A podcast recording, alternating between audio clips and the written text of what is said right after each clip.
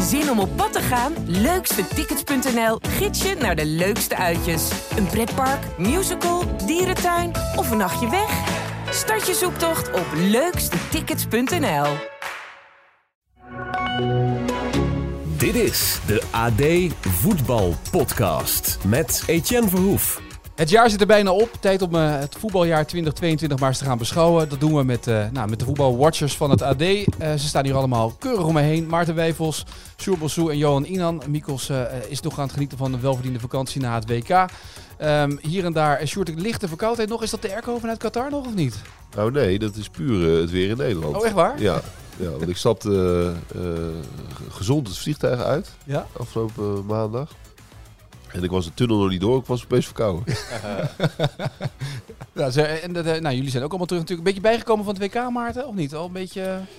Ja, en um, je kon echt merken dat dit een andere WK was dan anders. Omdat je, we hebben toch minder hoeven reizen ja? hè, in het land zelf. Dus ik, ik was toch minder moe, zeg maar, dan, um, dan bijvoorbeeld in Brazilië acht jaar terug. Ja. Dus dat, dat, ik vond het wel een verschil. Dat uh, kon je echt merken. Jij bent teruggekomen vanuit 35 graden en gelijk in... Uh, jij bent gaan schaatsen ongeveer week. Dat heb jij nog gemist, dat schaatsen volgens mij, Sjoerd. Dus dat was, uh, maar jij kon gelijk ja. schaatsen. Ja, het was echt een enorme overgang wat dat, ja. wat dat betreft. Ja. Johan, hoe heb jij het WK beleefd? Als heel um, prettig. Want wat Maarten net zei, met het rij... voor mij was het eerste WK. En, en als vliegende kiep is het denk ik wel fijn als je, als je niet van Freiburg naar München of van... Um, Belo Horizonte naar Rio de Janeiro hoeft. Ik kon steeds in een, um, in een bus of in de metro of in een, een, taxi. En dan was ik met een kwartiertje was ik bij het stadion of het ja. trainingscomplex. Dus um, ik kon heel veel doen. Ik heb heel veel gezien. Heel veel wedstrijden gedaan ook, 22. Dus um, ja, sportief bezien was het echt...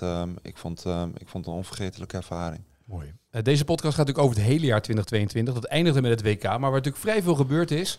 Uh, Sjoerd, wat is voor jou het uh, voetbalmoment van 2022 geweest? Ja, toch wel het WK. Mm -hmm. Met al zijn facetten. Uh, een buitengewoon uh, speciaal toernooi. In de positieve en de negatieve zin. Dus dat is wel, dat is wel, uh, dat staat je natuurlijk ook dicht, dichtstbij. maar goed, de, de, de reeks van Feyenoord in Europa was natuurlijk ook wel, wel apart ja. en bijzonder. wel, een, wel een mooi verhaal. Dat zijn de eerste dingen die me te binnen schieten. Maarten, bij jou? Ja, um, als ik dan nog wat moet toevoegen. Ik vond dit ook wel het jaar van... Um, van Karim Benzema. Als je het dan hebt over een speler hè, die uh, Real Madrid uh, naar de Champions League uh, winst leiden toch wel. Vervolgens dan denkt, hè, kom weer bij Frankrijk ga ik het WK spelen. Nou, dat gaat dan net vooraf gaat dat mis. En vervolgens is er eigenlijk toch wel blijkt oneenigheid geweest of die, of die eventueel nog bij de WK-finale wel of niet zou aansluiten. Hij heeft de gouden bal gewonnen, dus als je dan hebt over een van de voetbalmensen van dit jaar, dan was hij het ook wel, ja. denk ik. Johan, nog, uh, nog een mooi moment aan toe te voegen? Nee, ja, een beetje voorspelbaar misschien, maar toch, toch Messi. Die, uh, waarvan, en dan spreek ik denk namens, een namens iedereen een beetje, waarvan we 15, 20 jaar lang hebben kunnen genieten. En ja, je eigenlijk dacht van het gaat niet meer gebeuren dat hij, uh, dat hij die wereldbeker ook nog gaat pakken. De enige prijs die, um, die er nog ontbrak, aan ontbrak bij hem. En dat dat dan toch nog gebeurt op waarschijnlijk zijn laatste, uh, laatste WK. Ondanks dat hij nog even doorgaat. Vond ik wel heel bijzonder, heel speciaal. Ja. Zo een van die momenten, het WK, daar kunnen we nog uitgebreid over praten. Maar Sjoerd, jij noemde het al Feyenoord. Dat inderdaad in de eerste Conference League dan gelijk ook de finale weet te halen. Vanuit een positie dat je denkt, waar gaat het eigenlijk over? Waar kwamen die vandaan? Nou ja, precies dat. Uh, met een helemaal nieuw elftal. Niemand ja. gaf er een stuiver voor, bij wijze van spreken. Uh, een elftal dat heel goed en heel snel in elkaar viel. Uh, mede dankzij Arne Slot natuurlijk, die goed voetbal speelde. Uh, waarbij eigenlijk alles klopte. Er zat, er zat nog een, een soort X-factor bij met die, met die Dessers en dat soort types. Ja. dus dat was een ontzettend ja, aansprekend elftal gelijk. En die maken natuurlijk een, een reeks. Ja, dan kun je, je kunt er heel cynisch naar kijken van ja, het is het derde toernooi in Europa. Maar ze hebben natuurlijk een prachtige, prachtige reeks gemaakt. Ja. ook langs heel veel ploegen. Uh, ja, waarbij het zeker niet vanzelfsprekend is dat, dat je daar als Feyenoord van wint. Uh, Union Berlin werd, werd bijna achterloos opzij gezet. Nou ja, dan moeten we nu nog maar zien of dat weer zo gaat ja. met Ajax. Ehm, dus dat, is, dat, was echt een, echt een, een hele onverwachte meevallen, ook voor Nederlands voetbal, denk ik. Is het een beetje het jaar van Feyenoord 2022? Nu koploper in de eredivisie, daarmee de eredivisie uit en dan de finale halen Conference League? Ja, nou je het zegt, zo, zo had ik het nog niet, nog niet bekeken. Maar ja, dus zo kun je er zeker naar kijken. En uh, ja, daar, daarin verdient uh, Arne Slot natuurlijk veel credits. Die heeft dat op een, met weinig middelen op een hele knappe manier gedaan. En ondertussen in 2022 ook nog heel veel geld verdiend voor de club. Laten we dat ook niet vergeten. Want ze hebben de, de beste transferzomer uh, uit de clubgeschiedenis gehad. Ja. Des te knapper is die koppositie nu. Hè? Bijna een complete elftal vervangen. Nog meer spelers dan, um, uh, dan Ajax zien vertrekken. En, um, ja, en, en in de winterstap gewoon, uh, gewoon bovenaan. Ja. Oh. Nou, ja. Je vindt het niet het jaar van, van Feyenoord? Ja, ja jawel, jawel. Oh. Nou, ik vind dat zeker wel. Maar, maar die, die, die eredivisiestand, daar moeten we eigenlijk... Maar dan echt geen enkele waarde dan echt. 14 potjes. En Feyenoord heeft, heeft alle, alle grote ploegen krijgen ze nog. Maar wij onze luisteraars die, die ja, voor Feyenoord zijn schakelen maar... nu. zetten net die radio wat harder, omdat ze nee, maar, over... Ja, nee, maar dat hebben ze natuurlijk geweldig... Maar Slot heeft dat geweldig gedaan. En, en, en ze hebben inderdaad een geweldige transferzomer gehad. Maar als we dan over de eredivisie hebben, dan dan is er geen één ploeg geweest. Ajax heeft natuurlijk een, een, een, een belabberd half jaar gehad. PSV, dat, dat schiet ook nog alle kanten op. Dus het is des te knapper dat Feyenoord met een heel nieuw elftal stabiel nee, bovenaan staat. Ja, maar kijk, nog, laten we januari afwachten. Dat is een mooie maand voor ze. Want dan, dan gaat het er echt om, hè? Nou ja, ze hebben volgens mij, dus tijdens het hele WK, hebben ze zes weken kunnen trainen. Het nou ja, alleen maar beter worden, toch? Ze, ze zijn wel, als je het zo wil zien, ze waren eigenlijk... Feyenoord heeft bijna niemand op het WK. Dat is eigenlijk, ja, dat is wel een beetje mager. Maar het voordeel daarvan is dat inderdaad slot, het slot heeft kunnen werken in de afgelopen weken. Dus we gaan het zien in januari. Daar verwachten we wat. Oh, dat is wel een, dat, dan, wordt, dan vindt de afrekening plaats, begrijp ik. Ja, nee, maar kijk, die stand is, is het sowieso winterkampioenschappen kun je vraagtekens bij zetten. Maar het is niet eens echt een winterkampioenschap. Het is wel een terechte kanttekening. Maar het was natuurlijk een onverwacht ja. goed jaar. Dat, dat is gewoon uh, gegeven. Ja, ook door nog in de Europa League. Uh, ook nog een uh, vrij uh, laatste moment wedstrijd, maar ook wel door. Naar maar je ziet, je ziet het, het, wordt wel eens ge gezegd, Jan Mulder zegt dat ook vaak, hè, van trainers doen er niet toe. Maar Arne Slot laat natuurlijk al sinds zijn komst, maar daarvoor ook trouwens bij andere clubs, maar bij Feyenoord sinds zijn komst laat hij zien dat de trainer natuurlijk wel degelijk ertoe doet. Dat is de man in je organisatie die, die het uithangbord is, maar die ook op het veld bepaalt wat, wat, gaan we doen? En, en, en, en hoe dan, gaan we spelen? Ligt dat dan aan het niveau waar je... Want ik, ik kan me voorstellen dat uh, Ancelotti komt binnen bij Real Madrid... en die staat daar natuurlijk te kouwen langs het veld uh, tijdens een wedstrijd. Maar die heeft genoeg goede spelers om daar... Daar, kunnen wij allemaal een basiselftal voor neerzetten, Ja, maar, dat is, maar trainen op dat niveau heeft natuurlijk een Dat maakt er niet meer uit, toch? Ja, maakt ook wel uit. Want je, je ziet ook trainers die, die er een potje van maken bij de Real Madrid. Alleen daar is het... Daar zijn meestal de spelers zo goed dat ze een bepaald basisniveau hebben. En bij Feyenoord zijn er natuurlijk een paar. Ja, die linksback, dat is natuurlijk niet zoveel. Maar Arne Slot die zet het wel neer dat, dat, dat, dat ook dat eh, dan uh, gecamoufleerd wordt. precies dat. Dus nee, hij is, hij, is, hij is een geweldige trainer. En, en gewoon hoe hij praat ook. Het is allemaal duidelijk. Um, je luistert er graag naar. Ja, het, uh, dat het bij Feyenoord ook weer, weer, weer eens over voetbal gaat. Ja. ja. Dat is natuurlijk wel misschien wel de grootste omslag die gemaakt is. Het was natuurlijk een club waarbij de, eigenlijk de cultuur groter was dan het spel. Ja. Heel lang. En, en dat is uh, echt een last geweest. En, en dan wordt heel vaak uh, wordt het ook mooi gemaakt. En dat snap ik ook wel, die Kuip en het legioen. En, en, en, allemaal mooie verhalen. Maar ook dat, dat die Kuip nu even in de koelkast is gezet. Dat dat, dat, dat thema uh, bevroren is. Ook al is het allemaal mislukt. En is het natuurlijk eigenlijk een, een molensteen. Het gaat dan wel over voetbal en ook in het beleid. de nieuwe directie heeft ook gezegd, we gaan het geld dan maar op het veld verdienen. Er is helemaal geen hogere wiskunde, maar hadden ze misschien eerder moeten bedenken. Ja. Maar dat is wel een duidelijke koerswijziging. En daardoor zie je ook dat, dat, dat het gewoon meer over voetbal gaat bij Feyenoord. Ja, ik zie trouwens op internet ook al die campagnes nu voor Feyenoord City. Want er wordt gewoon wel gebouwd en dan gaan, ze gaan wel door met bouwen. Maar je hoort niemand meer over een stadion ineens, hè? Nee. nee. En um, Sjoerd zei het net al over um, de transfers van Feyenoord. Die hebben natuurlijk meer geld binnengeharkt dan, dan ik denk in zes, zeven jaar samen. Um, en daarin is de aanstelling van een trainer ook cruciaal. Dat heeft hij, um, denk ik, bij AZ ook bewezen. Met jongens als Stenks en Boadu, die later nog vertrokken.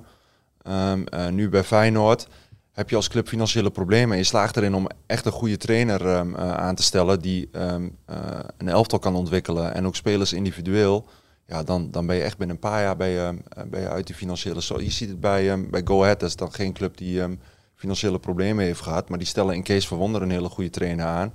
Hebben de, in de tien jaar daarvoor zelden um, uh, verdiend aan een, aan een transfer. En plots vertrekt uh, Sam Beukema, die vertrekt naar AZ. Jay Gotte gaat naar Ajax. die jongen die naar Utrecht is gegaan. Middenvelder. Noppert. Noppert. Ja. Ja. ja. Niet te vergeten. Niet te vergeten. Wie is het ook weer? Ja. ja. ja. Iedereen zoekt natuurlijk naar zo'n trainer, toch? Die iemand kan ontwikkelen. Want bedoel, kijk nou nu om je heen. De Utrecht, Groningen hebben allemaal een trainer nodig. Maar wat, die komen dan uit bij Jozef Oosting of Dick Schreuder. Dat soort namen hoor je vallen. Maar iedereen is toch een beetje op zoek naar die trainer die die, die de volgende stap kan maken met een, met een groep. Ja, maar goed, het geeft maar aan dat uh, de stelling, uh, trainers doen er niet toe. Nee. je echt in de prullenbak uh, donderen. Nou ja, als dat, als dat zo is, even het brugje maken naar Ajax. de trainer doet er, niet, doet er wel toe. het, is, het is nu bijna de kerst. Hij heeft de kerst gehaald. Hè? Als de jingle zo is, ja. haalt hij de kerst. Alfred Schreuder. Haalt hij de kerst? Maar heeft het je verbaasd dat hij het heeft gehaald? Nee. Nee? Nee. Hij wordt aan alle kanten gedekt in de top. Ehm, ja, en ja, dat zat, zat er ook al wel een beetje, uh, een beetje aan te komen. Ook omdat je natuurlijk, je merkte aan Van der Sar al wel, die, die, um, uh, die zei dat hij eerder met Peter Bos en met, met uh, Erik ten Hag hetzelfde had meegemaakt. Waarbij het dramatisch begon. En, um, ja, en het ze vruchten afwierp dat ze, dat ze vertrouwen hielden in de trainer. Dat waren ze nu ook van plan. Alleen, ja, weet je, in die laatste week verloor Ajax of lieten ze zeven punten liggen. Ja, en, en toen werd het voor de trainer natuurlijk wel, uh, wel heel penibel. Ondanks dat hij gedekt werd door de, door de clubleiding. Maar um, ja, goed, intens zijn daar natuurlijk ook wel um, stevige gesprekken over gevoerd. Um, uh, waarbij ook duidelijk is aangegeven ja, dat op deze manier dat het niet verder kan. En er zijn uh, bepaalde conclusies bij getrokken. Er zal op de transfermarkt een en ander gaan gebeuren deze winter. Eh, in de verstandhouding tussen spelers en staf. Ja, zullen ze ook, nog, ook nog wat even, ehm, hoe zeg je dat? Even uh, spijkers met koppen slaan. In de zin van, nou goed, Daily Blind is misschien wel het beste voorbeeld. Waaruit je toch wel hebt kunnen opmaken dat, dat de band tussen trainer en spelersgroep verder van optimaal was. Dus daar gaan wat, wat dingen gebeuren deze, deze winter. En uh, ik verwacht niet dat, dat er dan ontzettend veel uh, wijzigingen zullen plaatsvinden bij Ajax. Maar er gaan wel een paar transfers komen, zowel ingaand als, als uitgaand. En dan moet Ajax na de winterstop, vanaf uit mijn hoofd 6 januari, dan moet er een ander Ajax staan. Want uh, als ze op dezezelfde voet verder gaan, dan kun je. dan gaat Ajax geen kampioen worden, die durf ik wel aan. Het is wel interessant trouwens om te kijken. We hebben het nu gelijk over Schreuder op het einde. Maar het is ook het jaar van Overmars bij Ajax en dat soort zaken allemaal. Hè? Nou ja, zeker. Maar de, ja. de, de top van Ajax. Kijk, Schreuder, dat ze hem hebben laten zitten. Ook in de, in, in de fase waarin de club zit, is best wel te begrijpen. Ja. Uh, onder dat er heel veel kritiek is. Supporters zijn het er hier waarschijnlijk niet mee eens. Maar als je Die kijkt... zet nu weer uit. ja, nee, maar als je Ten Hag uh, zijn periode in oogschouw neemt... en als je ziet wat er in de jaren hiervoor gebeurd is... dan was het onvermijdelijk dat er A, een nieuwe fase zou aanbreken. Ja. Uh, met, een, met een andere coach, dat is altijd moeilijk. Maar ook met een selectie die natuurlijk tot, ja, toch wel aardig is uitgeperst. Uh, blind Tadic, dat zag je natuurlijk wel aankomen. Dat er een moment moest komen dat, dat er gerenoveerd moest worden. Dus dat je dan vasthoudt aan de trainer en dat je rustig probeert te blijven. Dat is op zich denk ik best wel, best wel uit te leggen. En ook wel verstandig.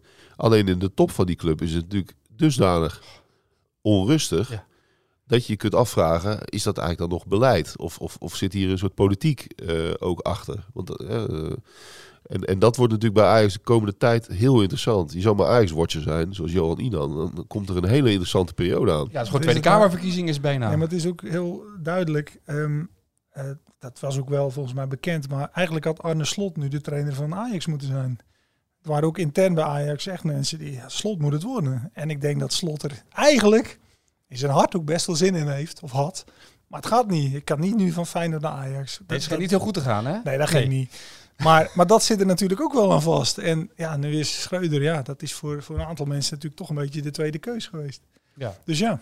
En ze zijn, ze zijn nog steeds aan het zoeken naar, naar, wat is de goede op, opvolging van Overmars. Ook dat verbaast mij dus ook dat een topclub, weet je, we hebben het vaak over de top in, in, in Nederland. Je moet op een gegeven moment toch weten, dit wordt het wat we gaan doen. Maar alle topclubs zijn een beetje zoekende. Feyenoord weet niet wie er, wat ze gaan doen met technisch beleid, PSV. Nee, ja, maar, maar technisch directeur, daar hebben we het ook wel eens over gehad. Het is toch ongelooflijk nog steeds dat je voor trainer moet je een diploma hebben. Als je voor de klas wil staan, hè, redelijkerwijs. Waar wijs je nou naar mee?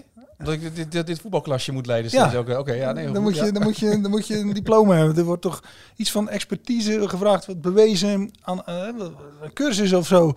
Technisch directeur kun je gewoon worden. Je, je stapt Daryl Janmaat, mooiste voorbeeld, voetballer, Ja. wordt technisch directeur bij ADO Den Haag. En die zegt dan na een paar maanden, ja, ik heb eigenlijk geen idee eh, hoe dit allemaal ging. En, en, en, en niemand helpt me. En ik heb wat uitleg gevraagd. En ja, dat, dat is nog steeds het voetbal. Dat slaat natuurlijk nergens op. En dus krijg je dat er echt gekwalificeerde TD's, ja, die zijn er niet. Of ze zijn Ja, oké. door, door schade en schande wijs geworden en al, en al in de 60.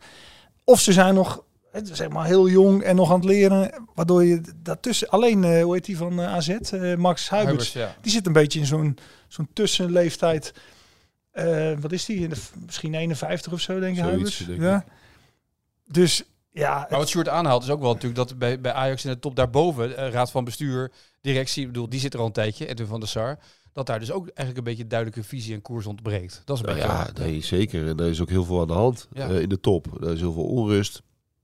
Ja, de, de- na de, over, de aanstelling of de opvolging van Overmars, eh, da- daar was ook al eh, allerlei gedoe over. Alex Kroes was er onder, onder andere voor Ja. het beeld. Die is directeur bij, bij AZ geworden. Nou, die leek het te worden. Toen was bleek, werd opeens Schreuder aangesteld.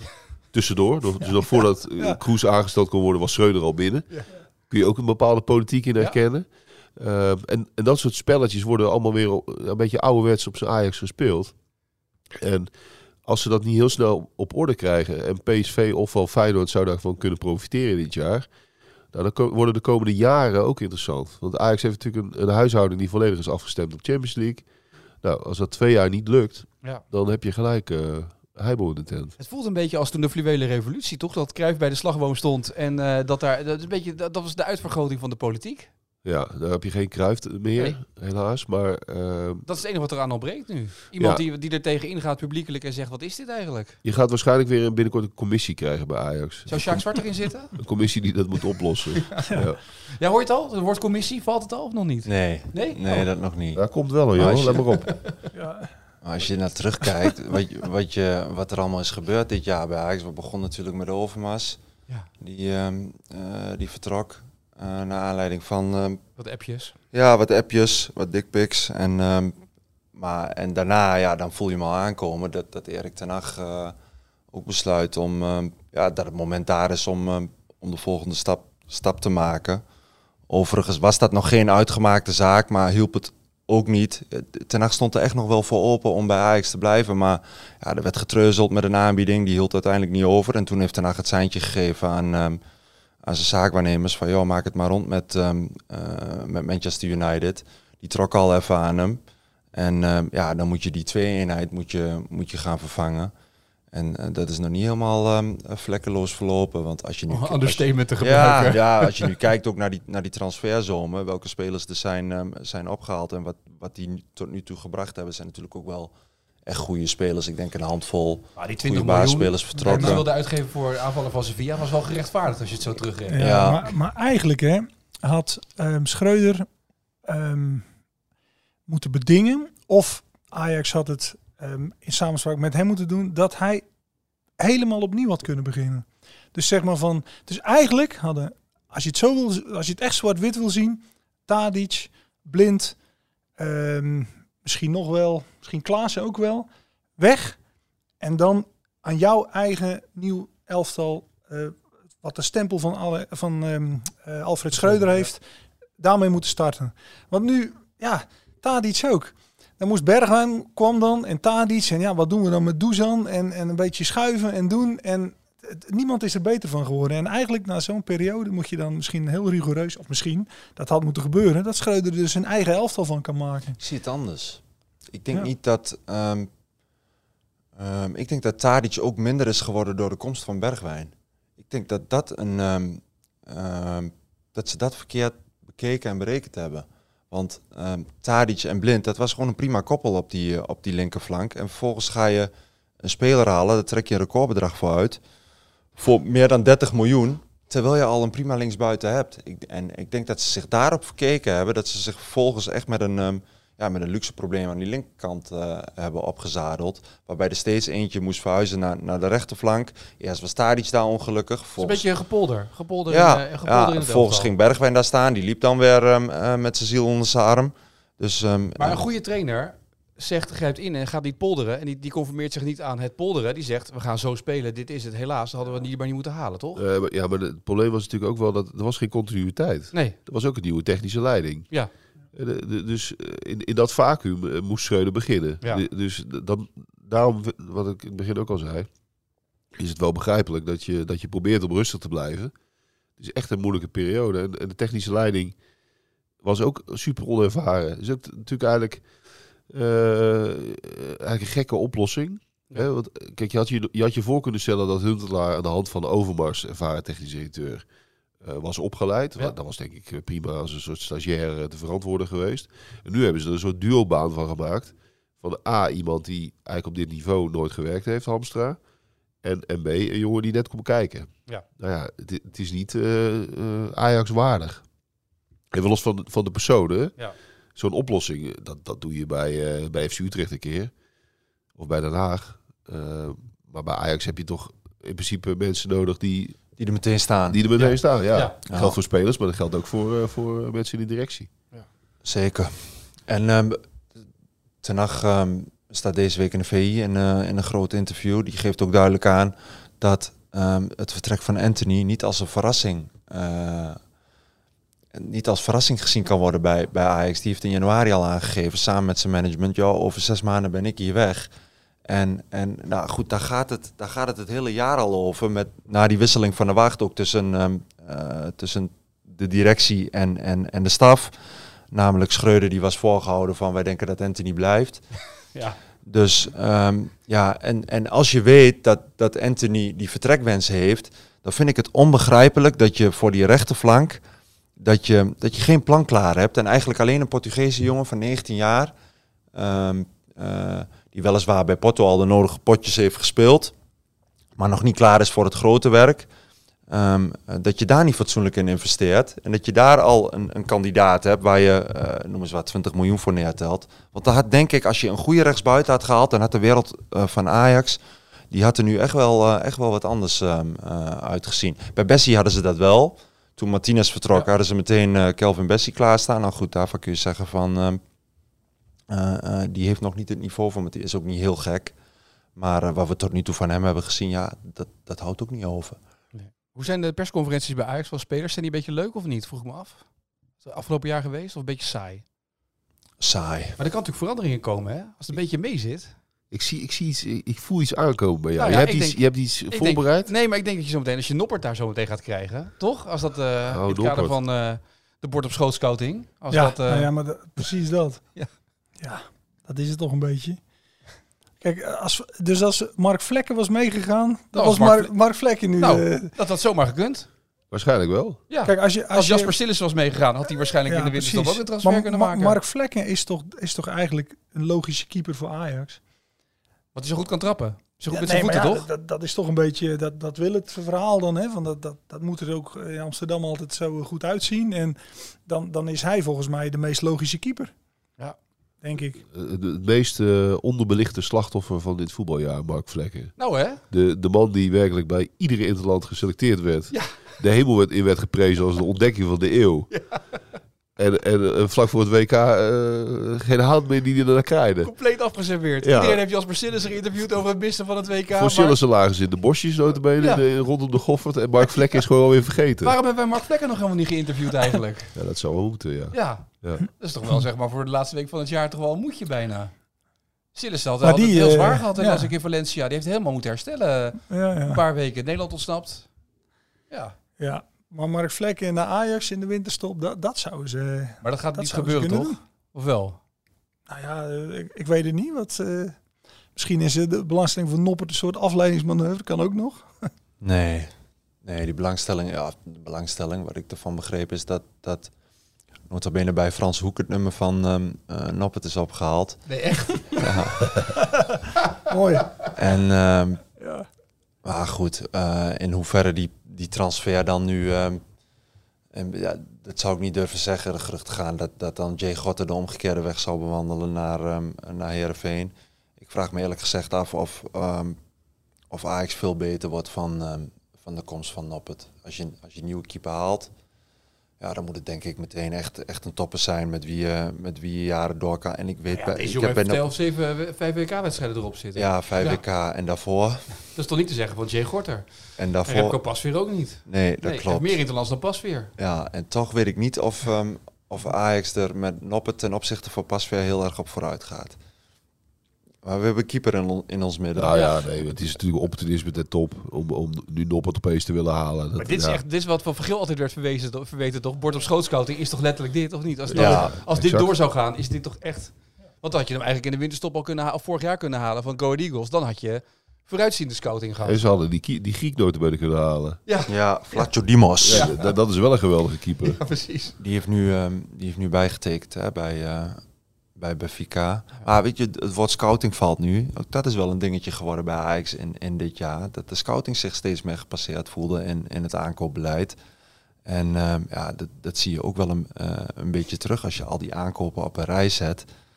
Ja, het is ehm, de- sommige ook pech, zoals die Kaplan, die Turk die ze hebben gehaald. eh raakt geblesseerd, tijdje eruit. Ehm, eh, doet nu een paar oefenpotjes mee, maakt best een goede indruk.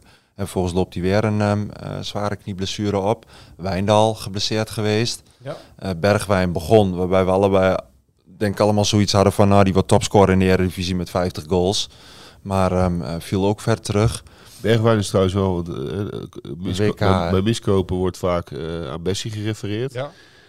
Maar de, de, het grootste gevaar op miskopen is Bergwijn. Ja. Gezien de, de impact die hij heeft gehad op de rest van het team, wat Johan net al benoemde. Ja, Eh, gezien het bedrag. Ja. En gezien het feit dat ze er ongeveer een jaar over na hebben mogen denken.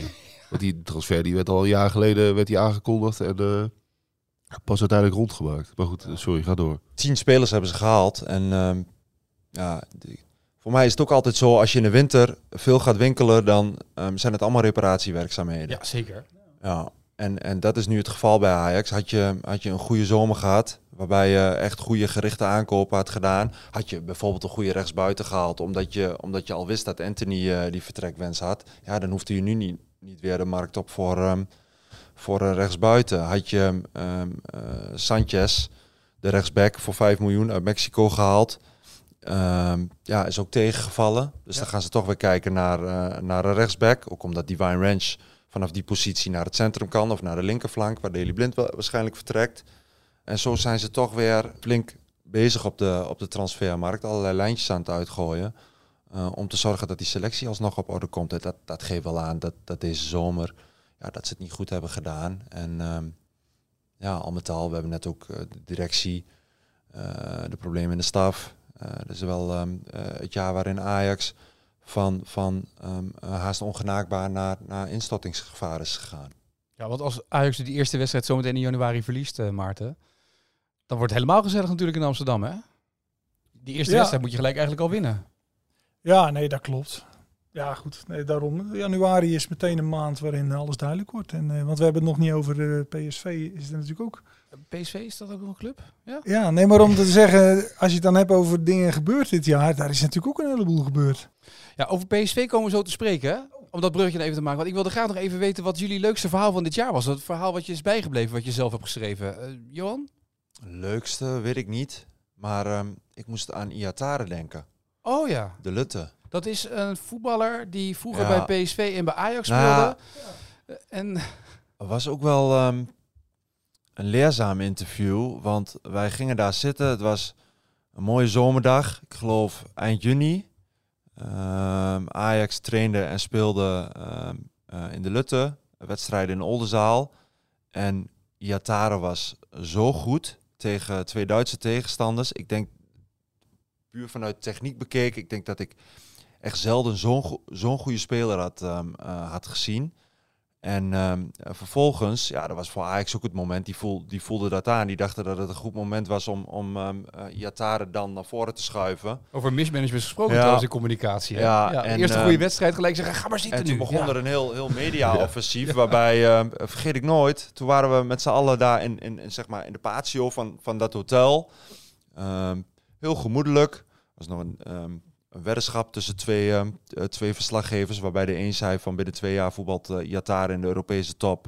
En die andere zei, ik denk dat hij over twee jaar niet meer voetbalt. Ehm, Nu wordt interessant wie gewonnen heeft. ja. En ehm ehm, Iatare liet, heel lang op zich wachten. Toen kwam hij volgens aanlopen, pakte hij zijn telefoon erbij, even, even in de fotomodus om te kijken of, die, of, die, of zijn tanden wel wit genoeg waren. En toen schoof hij eerst aan bij Joep Schreuder en eh, vervolgens naar, ehm, eh, naar een andere eh, zendgemachtigde. En uiteindelijk kwam de schrijvende pers aan de beurt. En dat was ook de eerste keer dat, dat ik met die jongen zat en, en hem vragen kon stellen. En ja, ehm, schuldbewust, zelfkritisch en ehm, ook, ook, ook heel, erg, ehm, heel erg. En hij zei ook dingen waarbij ik dacht van nou zou het kwartje dan echt gevallen zijn. Met, met van ehm, ik besef nu dat ik ehm, de naam van mijn familie en van mijn vader niet te grabbel mag gooien. Dat soort teksten. En dat ik, dat ik volgens dacht van nou, voor mij is het kwartje nu echt gevallen. En wat ik er leerzaam aan vond, vooraf al en, na de hand ook, ook met, met collega's gebeld.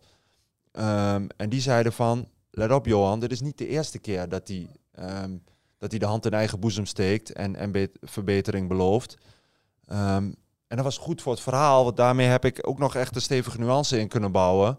Ehm, eh, ook nog wat eh, spelers van Ajax gebeld om te kijken wat, hun ervaringen met hem waren. Wat oudere spelers ook. En die gaven ook wel duidelijk aan van ja, weet je, hij is wel op de goede weg.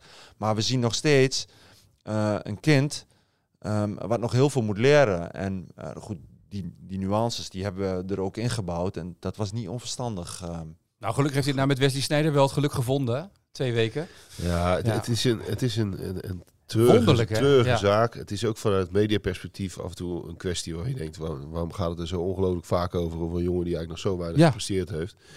Ehm, waar ik me het meest nog aan geërgerd heb in die hele kwestie was toch wel eh, de wissel in de bekerfinale tegen PSV. Ja. Ten Hag, hè? Ja. Dat vond ik echt een van de dieptepunten van het jaar. En, eh, ik overdrijf een beetje, maar op voetbalgebied.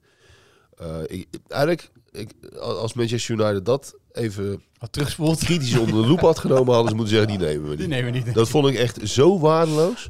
Maar dit was puur bewijzen dat je dat dus wel kan of Ja, zo. even laten zien van het grote Ajax krijgt dat wel voor elkaar. Terwijl bij PSV hadden de 83 specialisten van het allerhoogste niveau op allerlei gebieden hadden zich daarin verdiept. Ja. En Ajax haalde hem binnen, puur uit winstbejag. Hè, want denken van nou, als wij het voor elkaar krijgen, dan verdienen we wel wat aan. Ja. Bij ons lukt het wel met ons topsportklimaat. Dacht Erik ten Hag zelf ook, Ja. hè, de, de man van het topsportklimaat zelf. En dan spelen ze tegen PSV en dan gooien ze hem puur als provocatie. Halen ze hem bij de selectie en laten ze hem ook nog invallen, terwijl hij nog veel te zwaar was. Want hij was nog lang niet zo fit als, als toen in de zomer. Daar had hij, daar had hij wel eh, fysiek in ieder geval hard getraind. Nou, ik vond het zo gênant. Echt. Ja, ik vond dat wel des Ajax, Sjoerd, maar niet des Ten Hags. Nee, maar hij deed het wel. Ja, ja Misschien en moest dat- hij wel. Nee, Nee, nee, dat, geloof- doet hij, dat, dat, doet, die- dat doet hij niet. Maar ik vond zo ja. niks voor hem. De man die continu eh, pleit voor eh, het topsportklimaat en ehm, Ja. elke dag beter willen worden. Om dan een jongen die nog te zwaar is, ehm, eh, uitgerekend in een... Ja, en, en als je hem dan laat debuteren in het eerste... Dat, dat doet elke trainer. Dan doe je dat in een wedstrijd waarin, waarin je 3-0 voor staat. Je laat hem even, ehm, Ja. eh, je laat hem even wegproeven, weet je wel. Even balgevoel terugkrijgen. Maar ehm, Je zag ja, die het, het was zo, ook. zo van, eh, ontzettend arrogant en, en naïef om te veronderstellen dat, dat Iataren met nog, ik denk wel eh 10, 15 pond te zwaar, dat die nog even die bekerfinale voor, ehm, eh, voor Ajax zou gaan. Om, dat was gewoon een, dat was gewoon een pure, pure provocatie. En ik noem Iataren ook, omdat als je het hele jaar 2022 bekijkt, Veel over hem geschreven. Heel veel, want het begon, het begon met, met de transfer. Dat, Ja. dat Ajax ehm, hem in de armen sloot. Dat, nadat Vanenburg zich al een beetje over hem ehm, eh, had ontfermd. Volgens krabbelde hij op bij de belofte. Bekerfinale hebben we net genoemd. Eh volgens sluit hij aan in de voorbereiding. Ehm, eh, dat zag er aanvankelijk heel goed uit. Eh, het mediaoffensief. En daarna ging het mis. Want eigenlijk een week, tien dagen later kregen we al te horen van... Ja, we weten niet waar die uithangt. En, en erger nog, ehm, als we hem spreken... eh, dat hoor je dan binnen Ajax, hè, dan weten we niet wat we, wat we wel en niet moeten geloven. Nee. En vervolgens kwamen al... eh, eh, Uitgebrande auto's ja, op de foto en dat soort zaken. ja, Verlovingen. de- de- Een, een, Ja. een grote slecht nieuwsshow waarin hij gelinkt werd aan, aan de criminaliteit. Dat ging over een huwelijk en hij kwam alleen nog maar negatief in het nieuws. En af en toe nog even een post op Instagram. Hè, gaf hij een teken van leven met, eh, met, met al een standaard een, gezegd, kom terug, een, hè? geze- een gezegde van Ja. hoe vaak je ook valt. Ja. Eh, ehm, ik zal altijd opstaan, weet je wel, dat soort dingen. Ah, goed, dat neem ik allemaal niet meer, ehm, niet meer ik hoop, ik hoop nog steeds dat, dat hij ehm, ja, dat, dat hij op een dag weer zijn belofte inlost. Maar ja, goed, ik, ik, geloof niet meer dat dat gaat gebeuren. Ja, maar profvoetbal is pijnlijden. Nou ja, En, en pijnlijden, dat, dat, dat kan hij niet. Tenminste, niet over een langere periode. Dat was in de jeugd bij PSV al zo. ik vroeg Dus daarom- is, het nog, is, is topsport nog wel pijnlijden? Want die coaches mogen natuurlijk ook niks meer zeggen. Ik bedoel, je hebt, we hebben deze week ook allemaal verhalen in de krant eh, staan ook Ah, nee, over... maar- je mag, ja, dit is, oké. is topsport nog wel pijnlijden, of niet? Ja, ja, nee, maar pijnlijden gewoon dat je gewoon fysiek hè, er alles aan doet. En, en dat ook structureel doet. En Ja. kijk, Roger Smit, ja, die man eh, ook met terugwerkende kracht. Dat was een hele reële kerel die ook al in, in het buitenland had getraind. En die zei al vrij vlug van ja, die zeggen Iataren, en dat vinden jullie een talent hè. Maar hij zegt, talent, die zegt, ik heb met de jonge Mané gewerkt van die leeftijd. Die zegt, dat is talent. Gewoon, gewoon er, natuurlijk ook technisch, maar, maar gewoon er, er alles mentaal klaar, alles voor willen doen. En die zeggen, deze jongen, ah, die zegt, dat is toch geen talent in de zin van het complete plaatje heeft hij totaal niet. Iedereen die Roger Dus ja. Smit eh, destijds eh, de, de verantwoordelijkheid in de schoenen schoof voor het mislukken van Iataren, Ja. die, die mag maar terugwerken. Ik kan nog even zijn mond gaan spoelen misschien. Zeker. Wat is jouw interview, wat jou is bijgebleven of verhaal? Eh, nou ja, verhaal, interview. eh, de, de zaak Overmars was Ja. natuurlijk ontzettend interessant. Ehm, eh, daar, daar hebben we veel eh, letters aan besteed en terecht. Ook een heel bijzondere kwestie natuurlijk. Hadden we in het voetbal nog niet eerder meegemaakt. Ehm, ja, persoonlijk, eh, god ja, eh, een verhaal met Ralf Seuntjes die hartstikke ziek is, is natuurlijk altijd, altijd Ja. apart om te maken en eh, bijzonder. Ook om hoe open hij daarover vertelt. Ja. Ehm, maar dat is, een, dat is meer een persoonlijke Ja, no- maar dat- nood. Ehm, wat, wat hebben we nog meer voor, voor grote kwesties gehad? Ja, het WK natuurlijk. Ja. Nee, maar goed, Ralf Seuntjes ook mooi was een verhaal, wat, zo'n eh, indrukwekkend verhaal wat ook bijblijft. En bij jou? Ja, ik, ik vond wel eh, leuk. ehm Toon Gerbrands nam eh, na twintig jaar afscheid ehm, eh, van, van het topvoetbal. Ja, tijdelijk, hè? Want dat is natuurlijk weer bij, bij NAC weer Nee, opgedoken. maar als, als echt in een directiefunctie. hè? Nee, maar echt Ja. als Ja, dagelijks aan het werk. Dus dan nam hij afscheid. En ja, dat, ik heb dat toen zijn, zijn afscheidsinterview gedaan. En dan keken we gewoon terug op die periode van 20 jaar. En ook gewoon, gewoon persoonlijke dingen. En dan kwam dan zo'n WK-finale, komt dat dan ook weer boven. Dan zag je die Turkse chef dan afloop op het veld eh even meelopen. Solby bedoel jij? Ja, Ja.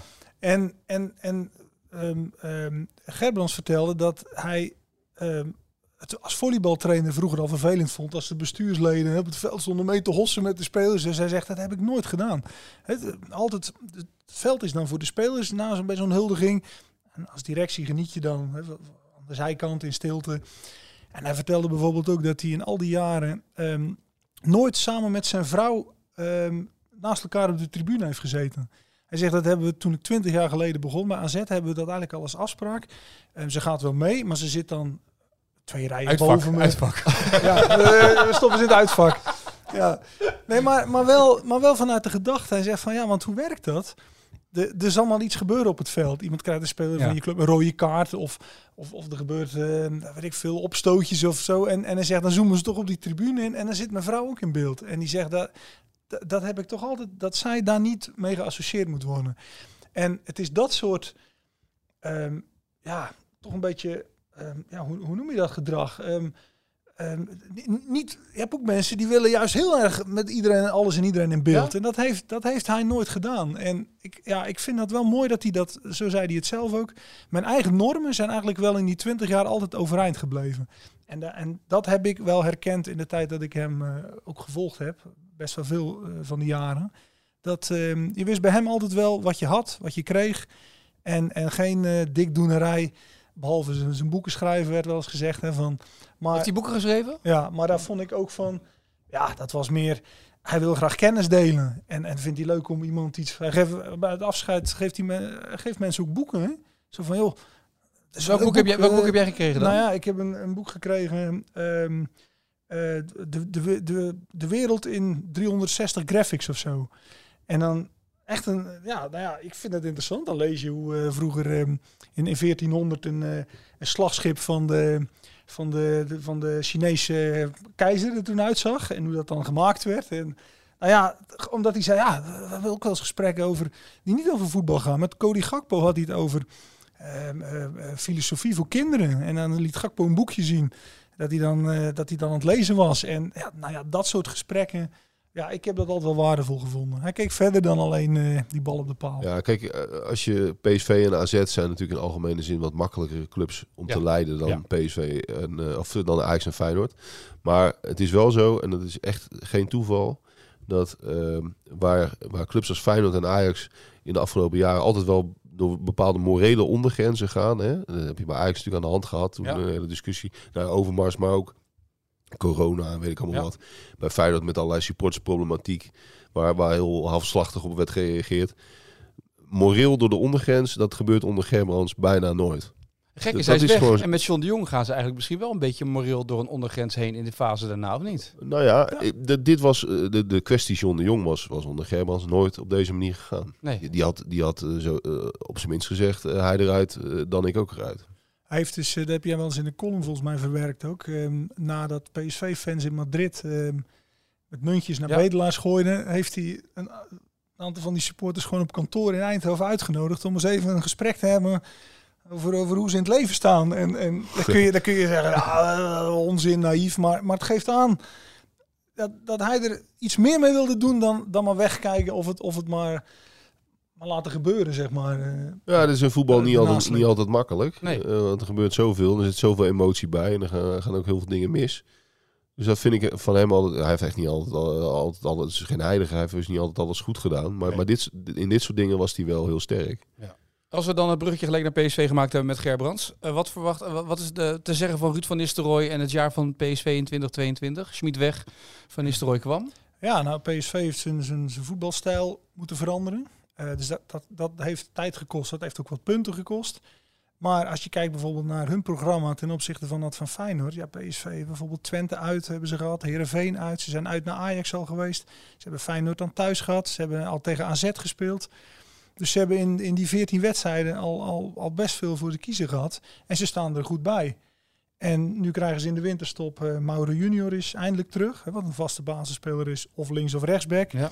Uh, Olivier Boscagli is terug als centrale verdediger. Wat in elk geval daar een optie meer is, ook in de opbouw. En ze hebben met Gakpo nu een speler teruggekregen. Die heeft op het WK nou ja, op, een, op een podium uh, iets laten zien. wat hij zelf ook nog niet van wist dat hij dat kon.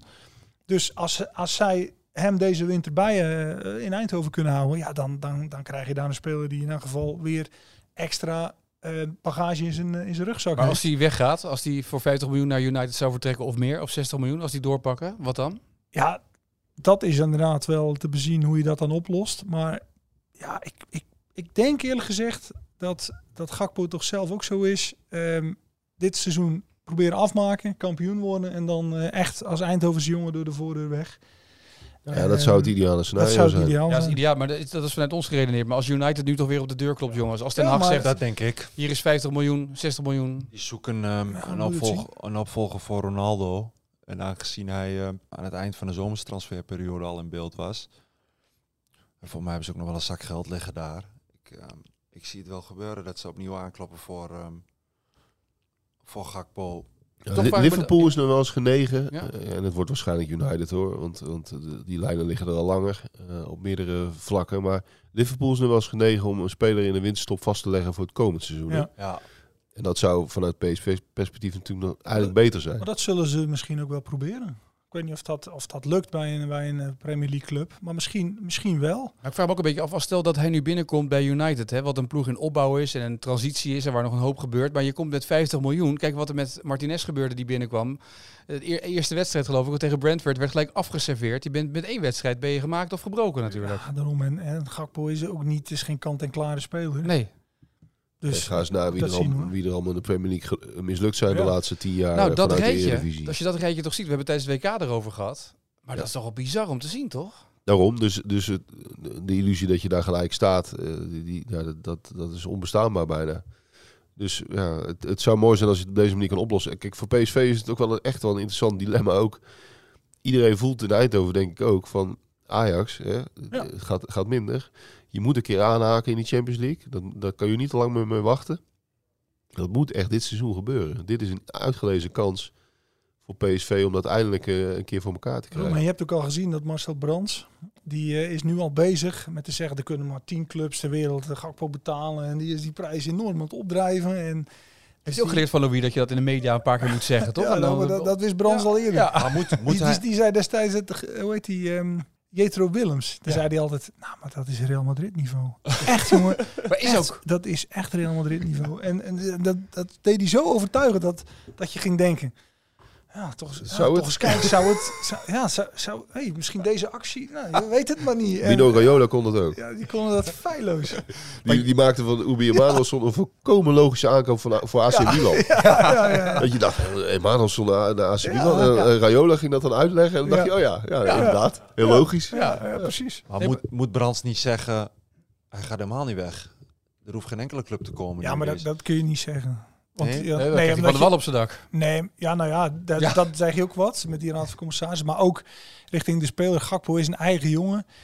Kijk, dat is ook wel PSV. Ze hebben met Luc de Jong destijds... Hè, dat, dat je toch samen probeert een afspraak te maken van... eh, Oké, jij zal een keer een transfer maken. Hoe kunnen we er nou allebei zo goed mogelijk uit? Dus Wijnaldum met zeggen, Depay. Je gaat niet... Ja, precies. Ja. Depay, Wijnaldum. Ja, Dus dat, dat, dat, zo gaat dat daar niet. En, en dat vind ik wel dat logisch. is anders, hè? Vind ik anders. Vind ik logisch. Mertens ging ook inderdaad anders. Ja, Bij Ajax onder Overmars heel vaak van, eh, dan ging hij ook van tevoren zitten en, en de deadline vervroegen zeg maar intern, van er gaat niemand meer weg.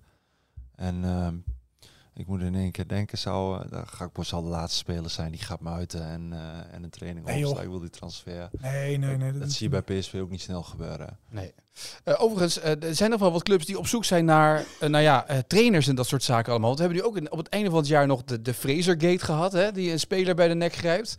Er zijn natuurlijk ook wat rare dingen gebeurd dit hele 2022 als je dat op een rijtje zet. Dat kun je wel zeggen, ja. En, Ja. eh, nou ja, Overmars en, en Vrezen zijn twee verschillende kwesties. Ja. Maar, maar ze linken ook wel weer ergens aan elkaar. Hè. Het Ja. hoort een beetje bij deze tijd. In zekere zin. En Vrezen, een heel aparte, heel aparte zaak. Eh, ook een kwestie die twintig jaar geleden waarschijnlijk eh, gemakkelijk onder de pet was gebleven. Ja, En, de- en met de mantel de liefde was bedekt. En, en nu, eh, nu heel groot wordt. En, en ik denk ook dat dat dat misschien best wel terecht is. Maar ehm, ja, nog niet eerder zo'n voorbeeld gehad, denk ik, in het voetbal. ben jij wel eens eh, vroeger in de jeugd, je hebt bij BVO's gezeten, bij de keel Nee, maar- gegrepen door de trainer? Nee, maar Nee? ik... ik Hij was natuurlijk heel lief natuurlijk in de jeugd, hè? Heel meegaand. ja, ja. Nee, maar die- Dienstbare middenveld. hoe, hoe anders is het nu? Ja, nee, maar ik zit, wel, ik zit wel te denken aan wat je bij Feyenoord toen Ruud Gullit trainer was. Ja, daar waren wel eens echt wel veldslagen op zo'n training hoor. Ja. Dat, dat eh, dan Kulazovic dan Bart Goor te lijf ging. En, en, en dat Gullit dan stond te kijken en een beetje stond te lachen van... prima, huppakee, doe maar. Want dat, eh, dat geeft... eh, Waarom geef je geen en, linker en, direct? en er stonden dan bij het oude trainingsveld van de Kuip. Ja, Ja, stonden allemaal mensen de- bij te kijken. Hè? Die stonden dan ook echt te genieten van oh, eh, dit en dat. ja, dat, dat zou nu niet meer, dat zou nu niet meer zo snel gebeuren. Of tenminste, het zou wel gebeuren, maar het, dat, dat heeft nu een andere impact. Maar je hebt toch vorig jaar gehad, of twee jaar geleden, dat er ook zo'n opstootje was bij Feyenoord met Berghuis op de training. Dat ineens Oh dat ja. toevallig de camera's daar dan bij waren. En Ja. dat ineens dat helemaal wordt uitvergroot. Zo sporadisch zie je dat. Maar goed, Vrezen is natuurlijk één zaak. Maar ook Utrecht blijft, we hebben het al vaker over gehad in die podcast. Een club die dan... AZ staat natuurlijk bij die top 4. Twente komt erbij. Utrecht probeert het al jaren. Ja, bij Utrecht het ligt altijd aan de trainers daar. maar als je van Zeumeren toch bent, trek je je geld toch op een gegeven moment eruit. Denk je toch, laat maar zitten. Het heeft geen zin meer. ja, maar Waarom, zou je, waar zou, waarom zou je dat blijven doen? Nee, maar, die, maar die, dat is natuurlijk wel iemand die gewoon een deelgenoot is. Hè? Ja, Ja. Nee, maar is niet iemand die geld over de schutting gooit en, en Nee. zegt, eh, doe er wat leuks mee. nee, hij zit erbij. Hij zit erbij, Ja. dus hij is ook mede verantwoordelijk. Dus, dus het zou raar zijn als hij dan zou zeggen, ik, eh, nu, nu stop ik ermee. Nou ja, ik kan, het, ik kan het niet. Kan ook een, een, dat, wat, hoe hij erbij betrokken is, kan ook een, een ding zijn dat je zegt, goh, weet je, ik zit er te dicht bovenop. Nou ja, dat, dat, dat Ja. zouden ze eens moeten evalueren. Ja. Ja. maar het, het, is een feit dat met veel budget dat het al vrij lang eh, niet lukt. Op een uitgezonderde periode ten Haag. Ja, precies. En eh, het is dit jaar dat Dick Advocaat weer terugkeerde. Dat is ook weer zo'n jaar, zeg maar, op de valreep van 2022. Maar Dat was is toch vorig jaar toch ook? toch elk Ja, elk jaar, ja. Want het, hebben jullie toevallig Dick al iets horen zeggen over dat er spelers bij moeten bij Den Haag of nog niet? Ja, tuurlijk. dat gaat natuurlijk weer komen. Ja. Het was het jaar van, eh, van die wedstrijd eh uh, ADO Den Haag Excelsior, waar we nog de best beluisterde podcast over hebben gemaakt. Dat supporters op het veld stonden ongeveer en dat die wedstrijd toch doorging. Wedstrijd van het jaar was dat. Krank Jorum eigenlijk ook, hè? dat je zo'n zo kwartier lang met supporters op het veld Ja. gewoon door moet gaan voetballen als je erover nadenkt. Ja. Dat zijn wat dat betreft wel bijzondere momenten geweest. Het, denk het dat was we een nou heel jaar. Ik denk dat we nog heel veel missen en, en vergeten. Ja? Ja, als we de gekste uitslag zit ik me nu, eh, te bedenken. Schiet jullie iets te binnen? Nou ja, eh, de WK-finale. Ja. Bijvoorbeeld. Ja. Ja, ja dit is, kijk, er zijn heel veel dingen geweest. Eh, Ook de, de excessen met, met, eh, met supporters. Is Ja. opeens ook, eh, was in 2022 ook opeens weer terug. Ja. Dus Alhoewel ik wel het idee heb dat de laatste weken de bierdouche een beetje langzamerhand weer... Of we hebben er minder aandacht voor, kan ook hè? Nou ja, in, in, in eh, Qatar was Qatar sowieso niet, Sowieso nee, geen nee, thema. klopt. Maar de laatste week Nee. van de Eredivisie was het ook niet heel... toch? Nee, de, de, de, hype is er een beetje vanaf. Ja. Maar er zijn wel eh, nog wel allerlei andere problemen. En het is ook allemaal weer een maatschappelijk verhaal.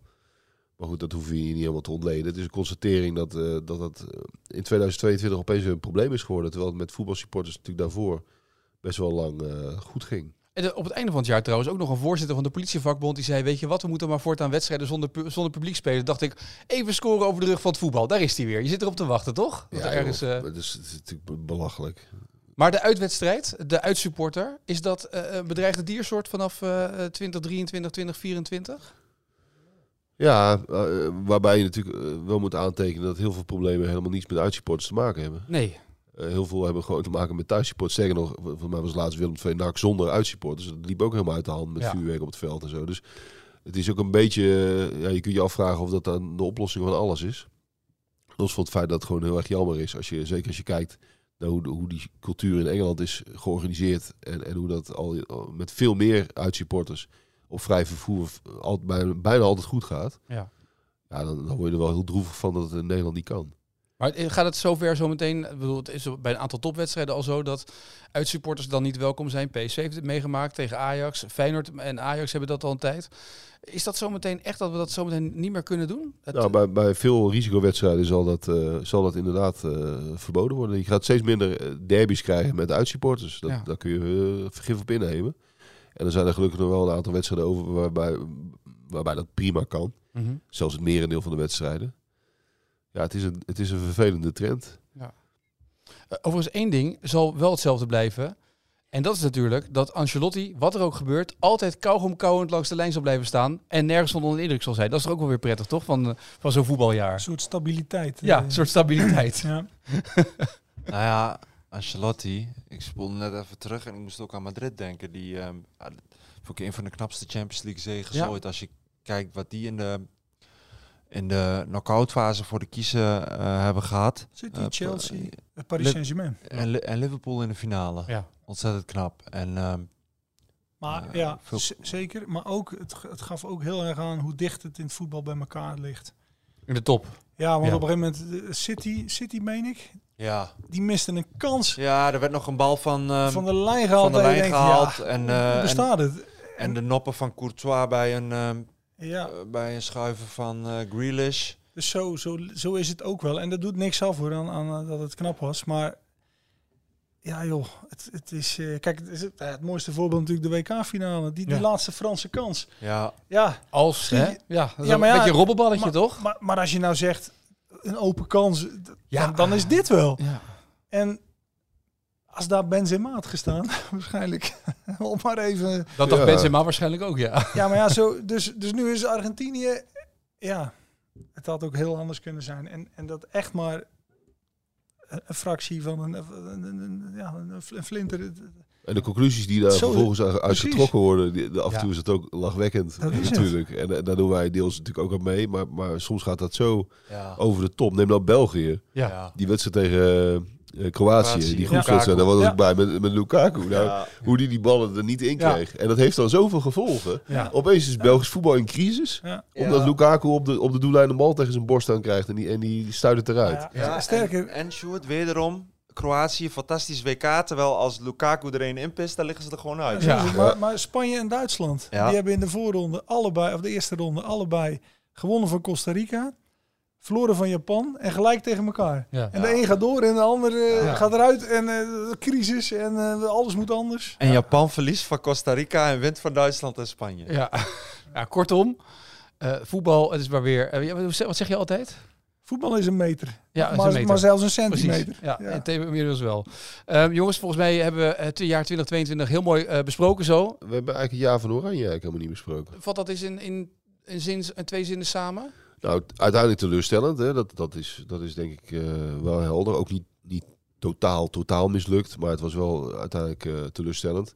Maar ook omdat het eigenlijk heel voorspoedig eh, begon. Hè? Met die nieuwe speelwijze in de Nations League. Tegen onder andere Polen, tegen België. Wat, wat prima Ja. WK-teams zijn. Modale WK-teams. Hartstikke goed gespeeld, veel druk vooruit. best wel aantrekkelijk ook. Er was helemaal geen discussie over of het een verdedigend systeem was. Want het werd eigenlijk best wel aanvallend uitgevoerd. Ja, dan is het jammer dat je op het moment dat het WK dan dichterbij komt... dat je ziet dat eigenlijk de vorm bij, bij heel veel sleutelspelers ontbreekt. Er zijn blessures, en je moet Ja. de spelers oplappen. Eh, waardoor je eigenlijk ja, weer een beetje opnieuw moet beginnen tijdens het WK.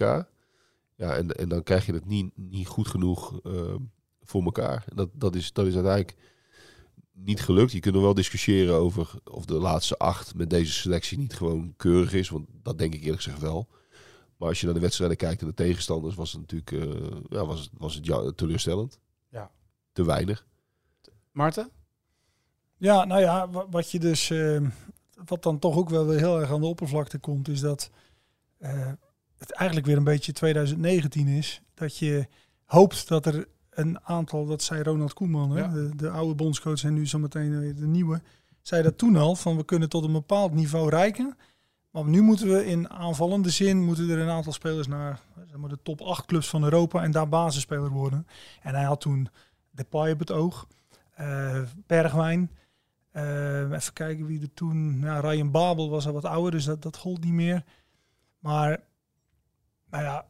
Malen? denk, eh, Malen bijvoorbeeld, Malen, ja. Dat, dat soort jongens, hè, dat, dat, dat, dat dat zou doorgroeien. Alleen drie jaar later eh, ja, zit er nog steeds niemand eh, vast in de basis bij de top, de, top, de grote clubs van Europa. En ja, dat, dat gaat. En dus heeft Koeman zo meteen als hij begint, begint hij met grotendeels dezelfde selectie. Ja, hij kan zeggen, ja, Xavi Simons, hè, dat- die, omdat in 2024 het EK is, die ga ik nu alvast in dat elftal proberen inpassen. Ja, dat kan.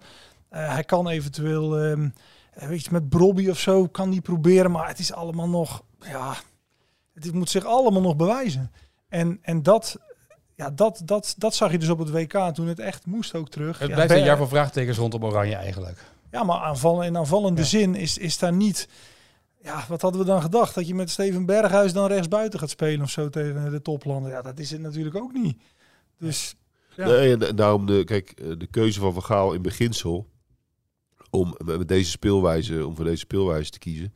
Ik had wel de hoop dat dat, dat zou worden uitgevoerd zoals dat eigenlijk in het begin gebeurde. In de eerste maanden Ja. van, van, dat, eh, van die, van die eh, cyclus. En dat viel gewoon, gewoon tegen. Maar die, de, de, de principekeuze dat je met alle beperkingen die er zijn binnen de selectie, dat je moet gaan voor de, eigenlijk de enige kans. Want dat, Dat is, is het. het, ja. Je kunt, eh, iedereen kan zeggen wat hij wil. Je had ook 4-3-3 kunnen spelen op de Marokko-manier. N- Namelijk met, met 10 man voor de goal. Had, Ja. Was ook een optie geweest. Had natuurlijk niks uitgemaakt in, in, in het beeld. Ehm, maar je had sowieso achteruit gemoeten met deze kwaliteiten. Dus dat, de, de, de onzin dat je, dat je op zo'n ouderwetse 4-3-3 en dan vooruit druk en dan lekker met vleugelspelertjes. Ja, wat een, wat een larikoek met deze selectie. Maar als we zo meteen de, de volgende wedstrijd onder Koeman 4-3-3 gaan spelen en we spelen heel lekker aanvallend voetbal, Ja, dan zegt iedereen, Ja, zie maar- je wel, we hadden het nee, wel moeten doen, 4-3-3. Ja, maar dat, ja, dat ga je eigenlijk Ja. krijgen. Maar dat deed Van Gaal natuurlijk ook. Ja, tegen precies, Turkije, ja. ja. bijvoorbeeld. Van Gaal begon ook met 4-3-3 in de kwalificatie. En dat kan ook prima tegen Ierland en zo. Ja. En tegen Gibraltar. Maar tegen Frankrijk wordt het alweer wat moeilijker. Ja. En ik, ik sluit ook helemaal niet uit dat, dat Koeman daarop teruggaat. Want dat, dat kan tegen de middenmoot subtop. Kom je daar nou best Ja. een eind mee. Maar als je op een eindtoernooi, als je je tot doel stelt om dat toernooi te winnen. En je wilt, je wil daar iets voor bedenken. Ja, dan zul je toch een list moeten bedenken. Dan ontkomt geen enkele bondscoach aan. Ja. En dat was in dit geval deze list. En dat heeft als nadeel dat als het niet lukt. Ja, dan, dan voelt het een beetje alsof je niks hebt achtergelaten. Dat snap ik ook wel. Ja, alleen dat, is, dat vind ik ook zo'n interessante discussie weer in, in dit eh, jaar. Kijk, Marokko, er wordt dan gezegd, ja, Marokko, hè, eh, eh, die, die laten wat na. Maar, maar waarom wordt Marokko nou herinnerd? Omdat ze de laatste vier hebben gehaald Ja. met voetbal, waarin ze de tweede helft tegen ehm, Portugal 15 passes op de helft van de tegenstander hebben gegeven. Maar ze hebben gewonnen en daarom worden ze herinnerd. Ja. En niet omdat ze dan zo geweldig voetbal speelden. De- Dus het, het, Marokko is het bewijs dat je wordt herinnerd in deze tijd van rendement aan je prestaties. Ja. En niet aan, aan, aan, geweldig Ja, voetbal. maar dat is toch, we hebben toch onze Dat eh, is wederopstanding gewoon van het Nederlands voetbal ook ontleend aan het feit dat we de Nations League finale hebben gehaald Nou. onder Koeman. En dat iedereen zei, zie je wel, we zijn weer op de goede weg. En, en van Nou daaruit... het, nou is wel zo, met de, Maarten heeft gelijk wat Marokko betreft. Ehm, maar Nederland heeft natuurlijk wel een andere status Ja. in, in, in de wereld. En daar mag je ook best ietsje meer van verwachten. Maar ehm, ja, dat, dat gezegd hebben. Met deze selectie eh, had je linksom of rechtsom altijd iets moeten bedenken om gewoon een serieuze kans te maken. En dat is toch het uitgangspunt op een eindtoernooi. Dat je, het zal ook onder Koeman straks zijn, je wil, je wil echt, echt kans maken op winst. Ja, maar, en er wordt ook, werd ook gezegd op een gegeven moment, ja, uh, dat Van Gaal te, zei van willen wereldkampioen worden, dat legde te veel druk op die spelers. Maar ze hebben het zelf juist andersom ervaren. Uh, dat het dat werd uitgesproken, we, we, proberen het hoogste te halen. Ja, dat voelde ook wel als een soort, een soort motivatie van, hey, we spelen ergens voor. En als je zegt, ja, kwartfinale is doel. Ja, wat, wat, wat is dat dan? Ik sprak Frenkie de Jong afloop, uh, Nederland-Argentinië. En die zei echt, ik dacht echt dat we het gingen worden. Ja. Maar, die, ja. maar die, was, die was zwaar aangeslagen, logisch, is iedereen na zo'n wedstrijd. Ja, maar, maar, precies. maar die zei echt van, ja, ik dacht echt dat we het gingen worden. Ik was ervan overtuigd dat we, dat we gingen winnen. En daarom was die teleurstelling eigenlijk nog groter. En, en nog los daarvan, de KNVB heeft in zijn nieuwe beleidsplan 2022, 2026 gewoon opgenomen. Um, het doel is een prijs met oranje. En dat kan zijn de Nations League finale winnen. Dat kan zijn Europees kampioen worden, wereldkampioen. Maar Marianne van Leeuwen, de directeur, heeft in het, sollicita of het ja, sollicitatiegesprek ja. met Koeman zeg maar, meteen gezegd... ja, uh, de doelstelling ligt op wereldkampioen worden. En toen had Koeman gezegd, oh, nou, dat is een mooi doel. Dat is ook het mijne. Dus Koeman gaat ook voor het hoogste, dat gaat hij neerzetten. Als hij ja. dat niet doet, ja, dan voldoet hij ook niet aan de doelstelling van de KNVB. Dus heel simpel. Hebben we eigenlijk ook een doelstelling voor deze podcast ooit gekregen van de directie of niet? Ja, Was dat de, weer uh, de, de, beste voetbalpodcast uh, op aarde willen we zijn. Op aarde, inderdaad. Ja, precies. Ja, nee. En moet er, wordt dat ook gerelateerd aan prijzen pakken en dat soort dingen allemaal? Want dan moeten we nog wel een paar verkiezingen zeg maar gaan manipuleren. Ja, en dan, en dan duikt um, op, hè? Ja, precies. Die komt dan ook erbij. Als die gaat dan ja. met, uh, ja. bij Maarten in bed liggen met, uh, met de beker erbij. ja, precies. Nee, ik zat over die um, discussie over de formatie van, van Oranje. Argentinië heeft volgens, heeft volgens mij wel in drie, vier verschillende systemen gespeeld. Hè? Een keer met drie verdedigers, dan met uh, 4-4-2, 4-3-3. Zijn wij daarin wel dynamisch genoeg?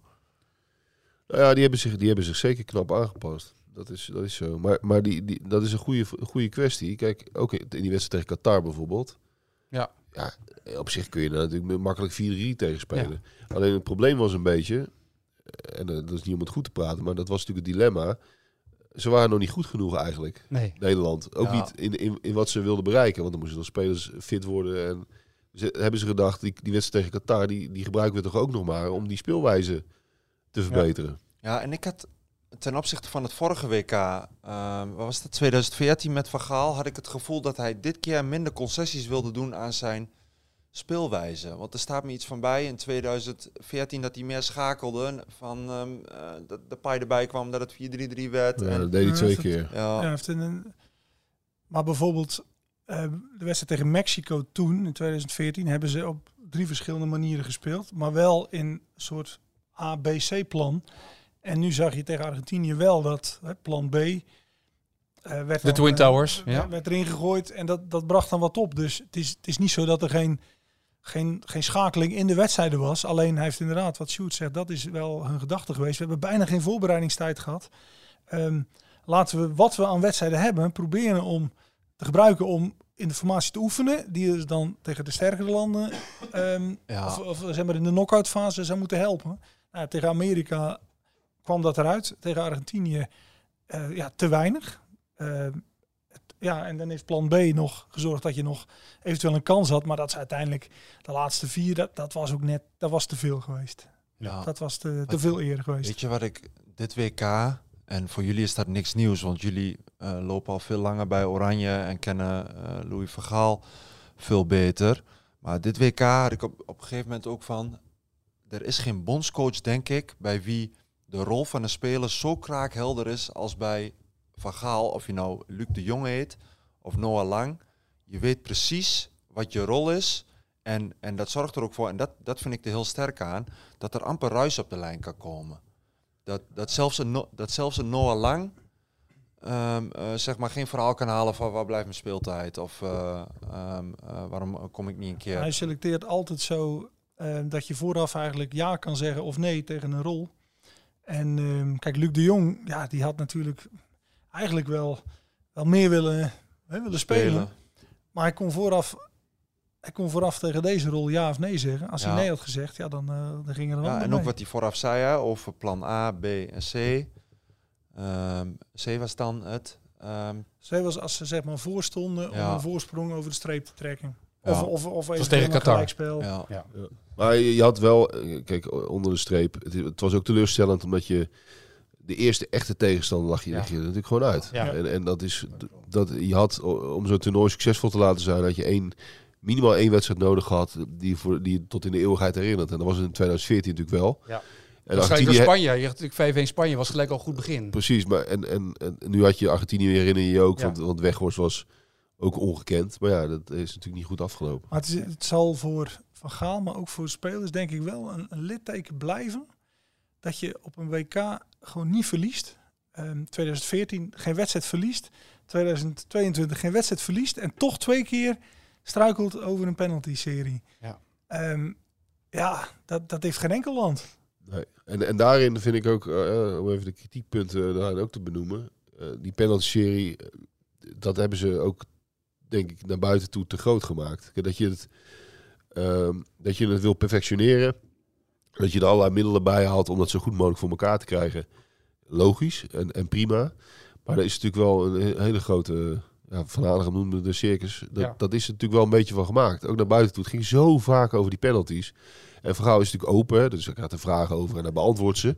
Maar daardoor maak je het eigenlijk zo groot dat je er, dat je er niks meer mee kunt, eigenlijk. Dat, dat, dat, dat, dat je er alleen maar mee kunt verliezen. Ze hebben misschien gedacht, als we het, als we het maar aanstippen, dan denkt die tegenstander waarschijnlijk, nou, we krijgen wat tegenover ons. Ja. maar vervolgens, ja, ja daar kwam niks van terecht. Maar zijn slotconclusie van Vergaal was ook een beetje van ja, de spanning is niet na te bootsen. Dan denk ik ook van ja, was, was die hele circus dan nodig geweest? En wat ik mij ook afvraag is van er ligt zoveel focus op. Luis Enrique had zijn spelers, de Spanjaarden, had hij huiswerk meegegeven. Oefen voor het WK duizend penalties. Zijn er ook uitgevlogen na, na penalties. Hadden ze dus niet gedaan, hè, duidelijk. Waren er 990. Of ze, het gedaan hebben of niet, weet, weet ik niet. Maar ik denk dat de winst um, in een penaltyreeks. En dat komt ook een beetje door die Emiliano Martinez van Argentinië. Ik denk die zit nog, die kun je nog veel meer halen uit de keeper dan uit de schutters. Dat zou zo maar kunnen. Zeker. Ja. Kijk maar naar Krul in, in, Costa Rica. Die, die, die deed nog, nog gekker dan die Martinez. Ja. Zo bijna vergeten misschien, maar daar zit heel veel uh, in. En, en dat deed Noppert natuurlijk helemaal niet. Vanuit een soort bescheidenheid ging hij bijna op zijn doellijn staan. Ja, moet hij niet meer doen. Nee, maar dat is, dat is gek eigenlijk, toch? Ja, maar je hebt het helemaal voorbereid tot in het treuren. Met alle voorbereidingen die je hebt gehad. Nou, als je ziet hoe Dumfries uh, sommige uh, Argentijnse spelers uh, op weg naar de stafstofschip ja. wat meegaf. Maar dat was wel onderdeel van de strategie. Ja, precies. Ja, waarbij het weer wel, er werd dan nu gezegd, hè, die Martinez lieten ze zien dat hij bij één penalty, weet ik veel, kreeg hij geel en van alles en alles beïnvloeden. Maar er werd even niet bij gezegd dat diegene van Frankrijk een feilloos in, in, in een andere hoek schoot. Ja, klopt, dus het, Is ook niet, het is ook weer niet zwart-wit. Maar het feit dat je, kijk, ik, ik denk wel eens, ik ben wel eens bij een fysiotherapeut onder behandeling geweest en die zei ik, ik experimenteer heel erg met, met ademhaling. Mhm. En hij zegt dan ga ik ook naar brandweermannen die, uh, die in een brandend huis iemand eh, eruit moeten halen. Dat je, dat je daar ze op voorbereidt, ook met ademhalingsoefeningen. En hij zegt in het voetbal is daar nog volgens mij onontgonnen terrein. En dat denk ik ook. Zoals paramilitairen, paramilitairen worden voorbereid om, om een soort reddingsactie. Dus de voorbereiding op het EK voetbal is dat ze toch nog wat meer mee kunnen doen. Ze moeten eigenlijk met Kors Mariniers een paar dagen mee eigenlijk. Voordat ze naar het EK gaan. Nou ja, uh, maak ervan wat je wilt, maar... Doen er best veel, hè? Ja. Er zijn er heel veel die in de ja. voorbereidingen... Ja, maar is een dagje. Ja. Maar dat is geen ontbering. Ja, maar je moet toch een balans vinden in, in het heel serieus nemen en, en erin doorslaan en er niet in doorslaan. Want als je erin doorslaat, kan het weer een obsessie worden. En over doorslaan gesproken, nog één puntje, daar hebben we natuurlijk ook wel belicht dit jaar. Maar uh, Vergaal heeft natuurlijk wel Messi, uh, heeft hij natuurlijk niet zo slim aangepakt. Nee. Had hij iets anders moeten aanpakken? Nou ja, vooral ook omdat Vergaal juist iemand is die op alle details uh, scherp is. Ook in, in, hoe hij dat naar buiten toe doet. als er een vraag kwam over, over een tactiek of een speelwijze of een, wat de tegenstander wijzer kon maken. Dat wilde hij al steeds niks over zeggen ja, het was gewoon strategisch gewoon slimmer geweest dat je het had gezegd. Het, het is een geweldige eer om tegen ja. Lionel Messi te spelen. En dat vinden we allemaal een geweldige eer. Nou, we hebben er zin in. We gaan er alles aan doen om te winnen. Klaar. Ja. Was natuurlijk uiteindelijk verstandiger geweest. Ja. En ze hebben ermee, en dat is zo'n beetje zijn vrijheid geweest. Maar ik zei toen ook in de podcast, het verbaast me echt nog dat iemand als Lionel Messi zich nog laat leiden door de woorden van Ja, Louis blijkbaar van wel. Gaal. Dat, is, dat is het Jen kleedkamer. doet, doet, doet hij nooit, hè? Maar dit, dit zat hem kennelijk zo, eh, zo hoog. Ja, maar dat had te maken toch ook een beetje met die Maria en Van Gaal Ja, bij maar United. dat, dat bedoel ik. Ja, ik en denk dat dat ook wel niet, ja, niet, niet, niet alleen dat, hè. Ook, ook volgens mij dat, het, dat hij in 2014 dat Van Gaal had geroepen van we hebben in 2014 laten zien dat je, eh, dat je hem kan afstoppen. En, en als wij in balbezit zijn, dan spelen we tegen, eh, tegen tien man. Eh, Emiliano Martinez, die, ehm, ja, die, die dacht echt te horen van ja, als, als het penalties wordt, dan denkt Oranje al dat ze, of denkt de bondscoach van Oranje al dat, dat zij hebben gewonnen. Maar weet hij dan niet dat ik tegen Colombia vorig jaar in de Copa America eh, drie penalties heb gestopt? Ja, hij heeft ze, hij heeft ze Ja, overigens wisten die spelers dat wel. Dat, Ja. De Berg was aan de afloop. Hij zei, we hadden die penalty-serie gezien. En eerlijk is eerlijk, dat, eh, dat maakte wel indruk. Maar, ze, maar ze voelden zich, ehm, ze voelden zich duidelijk, duidelijk gekrenkt. En over niet doen, vond van Messi ook wel.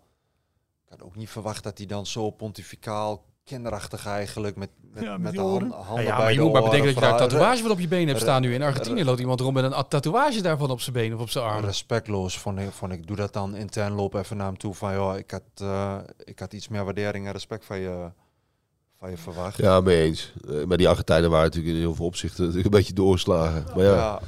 Maar, de mooiste in die scène was toen hij daar naartoe ging, was dat eh Davids, Davids. die wilde volgens mij ongeveer ervoor springen. Maar Frans Hoek stond daar als een soort van Peres de Kweljaar erbij. Om zo, hey Lionel, wat leuk dat je er bent. Ken je me nog? Ja, Frans maar? Da- maar Davids was juist ook heel rustig. Jawel, maar hij stond er wel een beetje bij van, nou als er nu wat... eh, ja, ze bleven allemaal. Ja. En Van Gaal eh, leek mij gewoon, die, die, die wist helemaal niet waar het Nee, over ging. nee, die dacht, die schrok, zich- over? die schrok Ja. zich kapot. Ja. Ja, ja, ja, Ja. klopt. Maar goed, Ja. het was bijzonder. Maar eh, ja, het heeft uiteindelijk niet goed, eh, niet goed uitgepakt. Nee. Hebben we hiermee het hele jaar besproken? Nou ja, we zullen vast nog 351 dingen vergeten, is, maar... is er nog iemand overleden? eh, ja, Wim Jansen? Wim Jansen. Ja, om, het- om het toch maar eh, een van de grootste spelers van ons voetbal te noemen. Ja, Ja, en een snel proces, hè? ja, Alzheimer, dementie. ja. En ehm, hij was er zo tussenuitgepiept. Ja, en er is ook dan ja, toch ook wel mooie bijlagen dan die je dan ziet. En eh, hij was eigenlijk een, een, een, een- een, multi, multifunctionele middenvelder al. Polyvalent, eh, voordat het woord uitgevonden werd. Ik heb wel eens de WK, de finale in 1970 teruggekeken voor de krant. Ja. En toen zag je al box-to-box, hè, Ja. Wim Jansen. Ja, dat was, dat was al, al eh, voordat het uitgevonden werd. Ja. Ja, nee, eh, het blijft iedere keer weer pijnlijk dat zo'n eh, van die legendarische generatie van 74, dat, dat je daar bijna ieder jaar iemand van kwijtraakt. Ja. Dus, daar word je droevig, droevig van. En, en ook een, over een heel ander geval, eh, een heel jonge speler nog, Jody Lukoki bij Ja. FC Twente. Ook een bijzonder verhaal. Ja. Ja, Dus eh, nee, dat, dat, eh, dat zijn de treurige dingen in zo'n jaar. precies. En groot. Ja. En pas nog, hè, Sinisa Michailovic. Ja, dat was heel recent. Ja. Ja, precies. Nou ja. Oké. we zitten, we- dan sluiten we hier af, want er zit nu een beetje een grafstemming, zeg maar. Ja, dat, dat- is, dat dat is- is niet helemaal de Let- bedoeling. letterlijk en figuurlijk. Ja, precies. Eh, wij gaan gewoon weer eh, in 2023 door met de AD Voetbalpodcast vanaf de eerste week van het nieuwe jaar. Eh, kijken wat er dan allemaal gaat gebeuren als de transferperiode open gaat en dat soort dingen. Ja. Mocht er tussendoor nog heel groot nieuws zijn, dan zullen we echt wel een extra aflevering nog gaan maken. Maar ik hoop dat ze tussen kerst en oud nieuw even een beetje rust bewaren allemaal, toch? Hebben we wel verdiend. Hebben we wel verdiend. Goed, ik spreek jullie het nieuwe jaar. Dank Sjoerd, dank eh, Maarten, dank Johan. En eh, dank ook weer voor het luisteren dit jaar. En graag tot volgend jaar.